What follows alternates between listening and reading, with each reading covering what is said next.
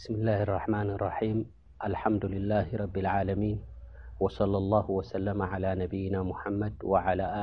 وصحابته معين برت حوات ت اسلام عليكم ورحمة الله وبراته ኣልሓምዲሊላህ ብተውፊቅ ናይ ረቢ ሱብሓነሁ ወተዓላ እተን ኣርባዕተ መሰረታት ዝብላ ኣልቀዋዒድ ኣልኣርበዓ ወሊላሂ ኣልሓምድ እቲ ሞቀዲማ እቲ መቅድም ናይቲ ሙኣልፍ ንውሕ ዝበለ እዩ ነይሩ ብትሕዝትኡ እኮ ነዊሕ ተዘይኮነ ላኪን ዑለማእ ነተን ንሱ ዘቐመጠን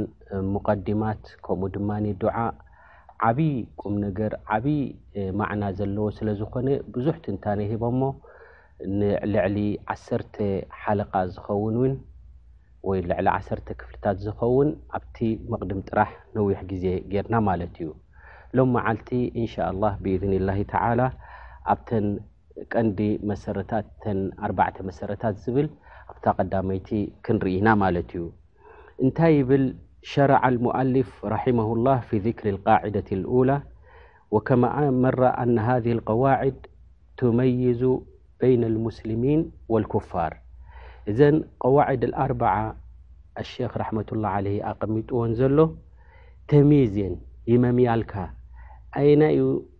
እቲ ኣስላማይ ተባሂሉ ኣስላማይ እዩ ንብሎ መምዘኒ ናቱ እንታይ እዩ ብምንታይ እንተ ኣሚኑ እዩ ከምኡ ድማ እዚ ክሓዲ ኡ ካፍር እዩ ዝበሃል ድማ ብምንታይ ምስዘይኣምን እዩ ንዝብል ነዚ ዓብይ ዝኾነ ካብ ቁርኣንን ካብ ሱናን ዝተደገፈ መብርሂ ክንርኢና ማለት እዩ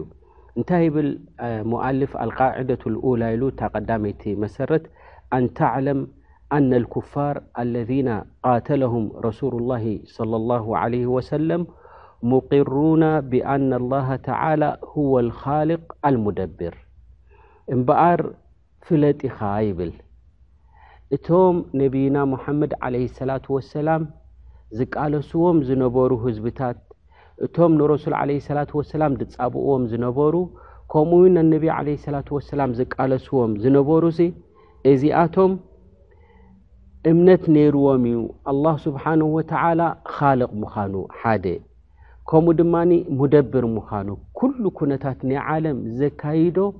መን እዩ እንተ ኢልካዮም ረቢ ኢሎም ሲ ይኣምኑ ነይሮም ወኣነ ዛሊካ ለም ዩድኪልሁም ፊ ልእስላም እዚ ምእማኖም ጥራሕ ድማ ኣብ እስልምና ከእትዎም ኣይከኣለን ዓጂብ ዝገርም እዩ ረቢ ካልቀ ሰማዋት ወልኣርድ ምዃኑ እንተ ፈሊጥካ እሞ ድማ ሙደቢረ ልእሙር ንሱ እዩ ብምባልካ ስኒ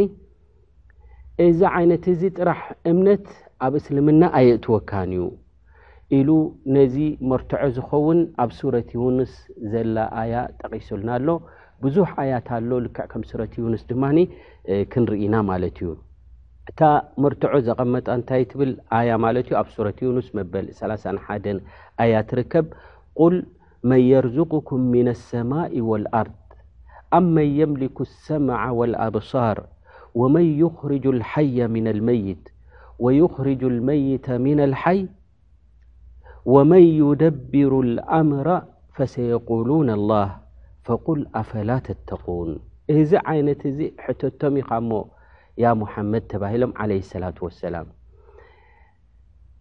እዞም ድጻብኡኻ ዘለዉ እንተ ደኣ ሓቲትካዮም ስኒ መን የርዙቁኩም ምነ ሰማኢ ወልኣርድ ብሰማይን ብመሬትን ርዝቅኹም ሽሻይኩም ዝፍንወልኩም ዝዕድለኩም ዘሎስ መን ኢልካ እስከ ሕተቶም ብሰማይ ማይ ዘኒቡ ብመሬት እቲ ዝዘርእዎ ድበተንዎ ፍረታት ንሱ ህይወት ለቢሱ በቂሉ ፍረ ክህቦም ዝኽእል ነዚ ኩነታት እዚ ዘካይድ ስኒ መን እዩ ኢልካ እስከ ሕተቶም ኢኻ ኣመን የምሊኩ ሰምዓ ወልኣብሳር ወመን ዩኽሪጁ ልሓያ ምና ልመይት ወመን ዩኽሪጁ ልመይት ምና ልሓይ ፈሰየቁሉን ኣላህ እዚ ኩሉ እዚ ምስ ተሓተቱ እንታይ ኢሎም ኣላህ ኢሎም ይኣምኑ ነይሮም ማለት እዩ ኣላህ ኢሎም ክምልሱልካ እዮም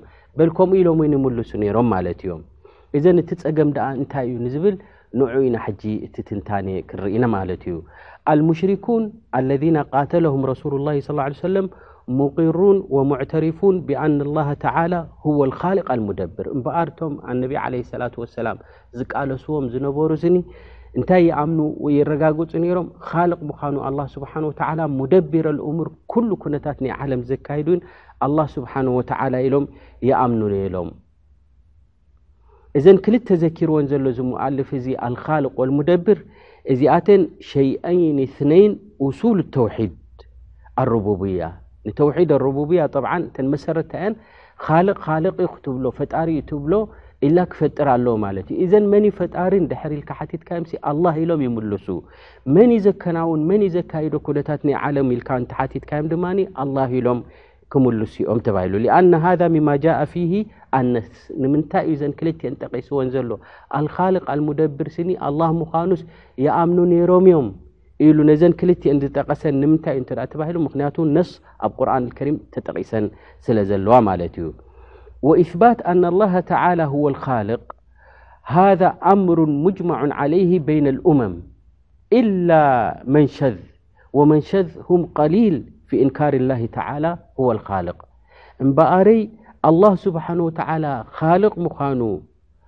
ንሱ ፈጣሪ ምዃኑ ስኒ ኩሉ ህዝብታት ኩሉ ሰብ እምበር ድምስክረሉ ኢሉ ፈጣሪ የለን ዝብል ስኒ ውሑዳት ተዘይኮይኖም እዞም ውሑዳት ሓደ ክልተ ተዘይኮይኖም ብምሉኡ እንተ ሓቲትካዮም ስኒ እንታይ እዮም ዝብሉ ፈጣሪ የለን ኣይብሉን እዮም ዘለዉ እታ ፅገሞም ግን እንታይ ምዃና ሕጂ ዝያዳ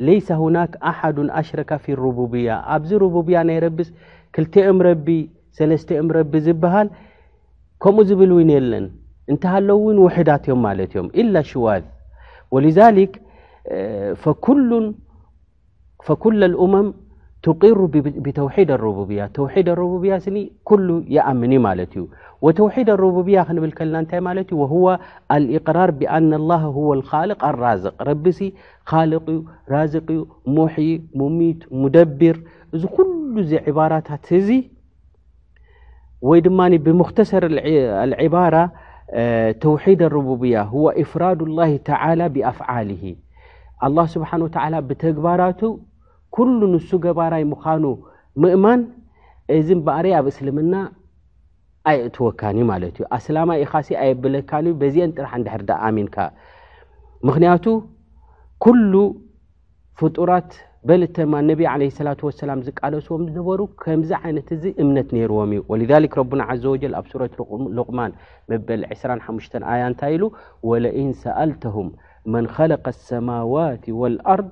ለየቁሉና ላ መን እዩ ሰማያትን መሬትን ፈጢሩ ኢልካ እንተ ሓቲትካዮምሲ ኣላ ይኹብሉካ እዮም ኢሉ እዚ ብ ሱረት ሉቕማን ኣብ ሱረት ሙእሚኑን መበል 86 ኣያ ድማ ቁል መን ረቡ ሰማዋት ሰብዕ ወረቡ ዓርሽ ዓዚም ሰየቁሉን ኣላህ ሰማያት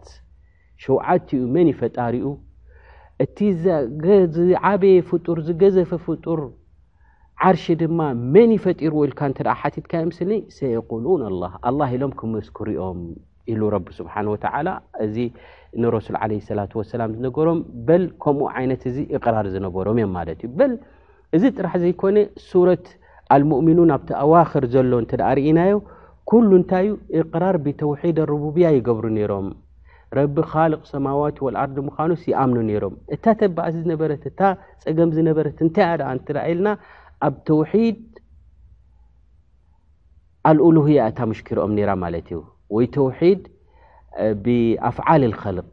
ኣብ ተግባራቶም ላኪን እገለን እገለን እገለን ዕባዳ ይሕውሱ ማለት እዮም ነዚኣቶም ሽፋዓ ክኾኑና ኢሎም ኣብ ዕባዳ የእትዎም ማለት እዩ እዚ ኣያ ድማ ካብ እስልምና ኣውፅኣቶም ማለት እዩ ወኢላ ኻሊቀ ሰማዋት ወልኣርዲ ኣላ ስብሓን ወተዓላ ምዃኑ ይኣምኑ ነይሮም ማለት እዮም ወሊዛሊክ ኣብ ኣዋክር ስረት ልሙእሚኑን እንተዳእሪኢና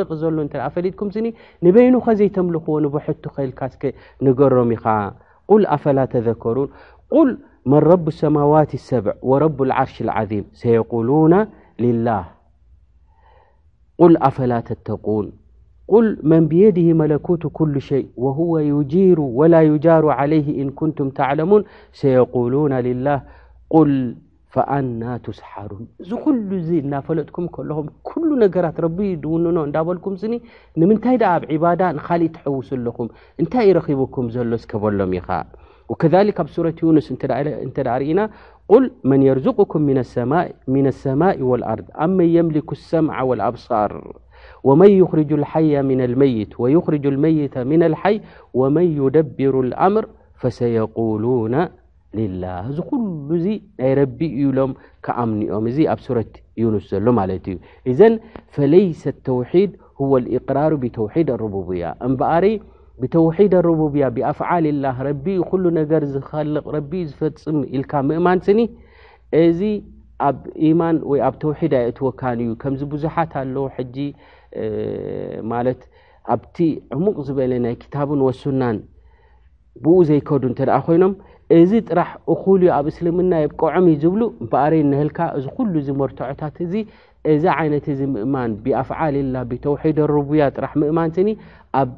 እምነት ኣየእትወካን ወይ ድማ ኣስላማይ ኣየብለካን እዩ ማለት እዩ ኢዘን ኣልእቅራር ብኣና ላ ወ ካልቅ ኣራዝቅ ኣልሙሒ ኣልሙሚት እዚ ዓይነት እዚ ንሱ እቲ ተውሒድ ንሱ እቲ ዝጥለብ እንዳበልካ ንደቂ ሰባት ኣምሂርካ ወይ ድማ ዋሒዱን ፊ ዛት ላቀሲመ ለሁ ንረቢ ከምኡ ኢሎም ገልፅዎ ማለት እዮም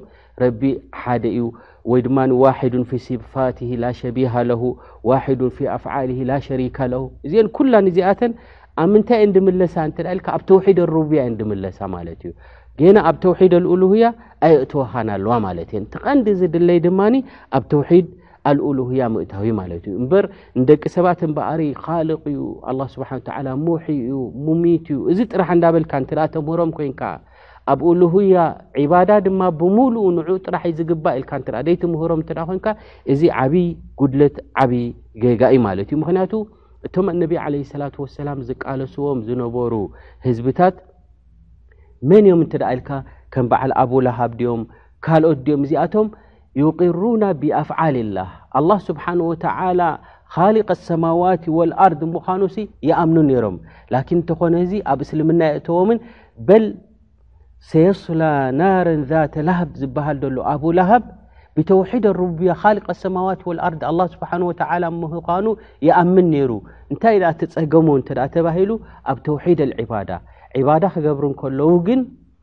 ካልእ ይሕውሱ ነይሮም እዚኣቶም ሸፊዓ ክኾኑና እዚኣቶም ከምዚ ክኾኑና እንዳበሉ ንካልኦት የምልኹ ስለ ዝነበሩ ምንዱንላህ እዚ ዩ ኣብ ሽርኪ ዘውደቖም ማለት እዩ ወልሊክ እዚ ዩ በኣሪቲ ሓቂቃ ክፍለጥ ዘለዎ ጉዳይ እንታይ እዩ እንተኣ ተባሂሉ ተውሒድ ኣሩቡብያ ጥራሕ ምምሃር ንደቂ ሰባት ኣብ እስልምና የእትዎም ዩ ማለት ጌጋ እዩ እዎ ተውሒድ ኣሩቡብያ የስተልዝም ብተውሒድ ኣልኡሉህያ ተውሒድ ኣሩቡያ እንተ ኣሚኑ ሓደ ሰብ እዚ ንገዛእ ርእሱ የገድዶ እዩ ብተውሒድ ኣልኡሉህያ ንክኣምን ማለት እዩ ላኪን ኣብ ተውሒድ ኣሩቡብያ ጥራሕ እንተ ጠጠው ኢሉ ኣስላማ እዩ ሙእሚን እዩ ክንብሎ ኣይንኽእልን ኢና ምክንያቶም ብተውሒድ ኣልኡሉህያ ብኣፍዓልህም እሽራክ ስለ ዝገብሩ ዘለዉ ማለት እዮም ወሊዛሊክ እቶም ኣነቢ ዓለይ ሰላት ወሰላም ዝቃለስዎም ዝነበሩ እኮ እቶም ደምልኽዎም ዘለዉ ጣኦታት ይኹኑ እቶም ድግዝእዎም ዘለዉ እዚኣቶም ይጠቕሙ ድዮም ይጎድኡ ድዮም እትርኣ ልካዮም ኣይጠቕሙን ኣይጎድኡን እዮም ይብሉኻ እንታይ ደኣ ተምልኽዎም ኣለኹም እትርኣ ልካዮም ሽፋዓ ዕንደ ላ ክኾኑና እዮም ይብሉ ነይሮም ወልዛሊክ ረቡና ዓዘ ወጀል ኣብ ሱረት ዩኑስ መበል ዓሰርተ ሸሞንተ ኣያ እንታይ ኢሉ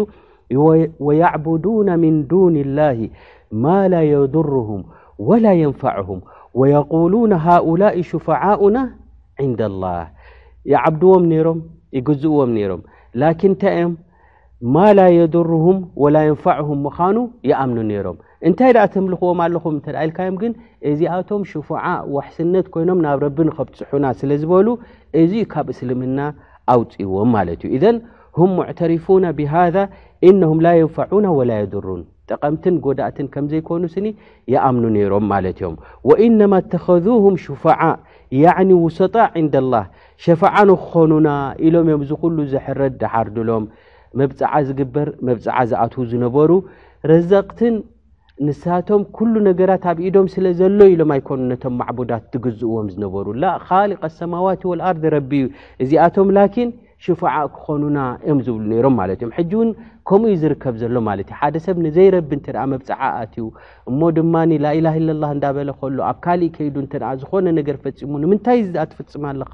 ኣብ ዝበሃለሉ እዚኦም ኳ ኣይጠቕሙን እዮም ኣይጎድኡን እዮም ኩሉ ነገራት ረቢ እዩ ዝፍፅሞ እንተ ኢሉ ልክዕ ከምቶም ቀዳሞት ዝበልዋ ከምኣ ትኸይዳ ኣላታ ዘረባ ማለት እዩ እምበኣሪ ሸፋዓ ዘየሎ ማለት ኣይኮነን ሸፋዓ ፊሃ ሓቅ ወፊሃ ባጥል ሓቅነት ዘለዎ ኣሎ ከምኡ ድማ ባጥል ኣሎ ማለት እዩ በል እታ ሰሒሓ እታ ቅንዕቲ ኣብ ሸሪዓ ኣብ ክታቦ ሱና መፅኢ ዘሎ ክልተ ሸርጢ ዘማለአ እዩ ሸፋዓት ቅኑዕ ዝበሃል ማለት እዩ ክልተ ቅድሚ ኩነት ከማልእ ኣለ እዚ እቲ ሸፋዓ ኣብ ሸርዒ ኣብ ቁርን ኣብ ሱና ተጠቂሱ ዘሎ ዝበሃል ማለት እዩ እንታይ እንተ ክልተ ሸርጢ እንታይ እቲ ሸፋዓ እንሻ ላ ኣብታ ኣልቃዒደ ታንያ ኣብታ ካልኣይቲ መሰረት ተን ቀዋዕድ ኣርዓ ኣብታ ቀዳመይቲ ኢና ዝና ኣብታ ካልኣይቲ ኣብኡ ንከታተሎ ኢና እንታይ እቲ ሸፋዓ እቲ ቅኑዕ ዝኾነ ኣብኡ ክግለፀልና እዩ ብተፍሲል ማለት እዩ ግን ተውሒድ ኣሩቡብያ ጥራሕ ምእማን ንሓደ ሰብ ኣብ እስልምና ከምዘየእትዎ ክንፈልጥ ኣለና በል ብዋንነት ናይ ረቢ ስብሓን ወተዓላ ብተውሒድ ኣሩቡብያ ዝኸሓደ ውሑዳት ተዘይኮይኖም ኩሉ ያዕተርፍ ማለት እዩ ወላቶም ሽዑያ ወላቶም ገለ ረቢ የለን ፈጣሪ የለን ዝብሉ ዝነበሩ እዚኣቶም ውሑዳት ተዘይኮይኖም ወላ እውን ከምኡ እንዳበሉ ውን ብውሽጢ ልቦም ድማ ኻልቀ ኣሰማዋት ወልኣርዳ ኣላ ምዃኑ እውን ይፈልጡ እዮም ማለት እዮም ወልዛሊክ ካብቶም ዝዓበዩ ክሕደት ዝገበረ ብተውሒድ ኣረቡብያ መን ዩ ኢልካ እተ ሓቲትካ ማዕሩፍ ፍሉጥ ዝኾነ ካብ ወሰን ዝሓለፈ መን እዩ ፍርዖን እዩ ማለት እዩ እንታይ ክሳብ ዝብል በፂሑ ከምቲ ረቡና ስብሓን ወተላ ኣብ ሱረት ናዚዓት መበል 24 ኣያ ዘሎ ኣና ረብኩም ኣዕላ ኢሉ ኣነ ዝለዓልኩ ረቢ ኢሉ እውን ተዛሪቡ ማለት እዩ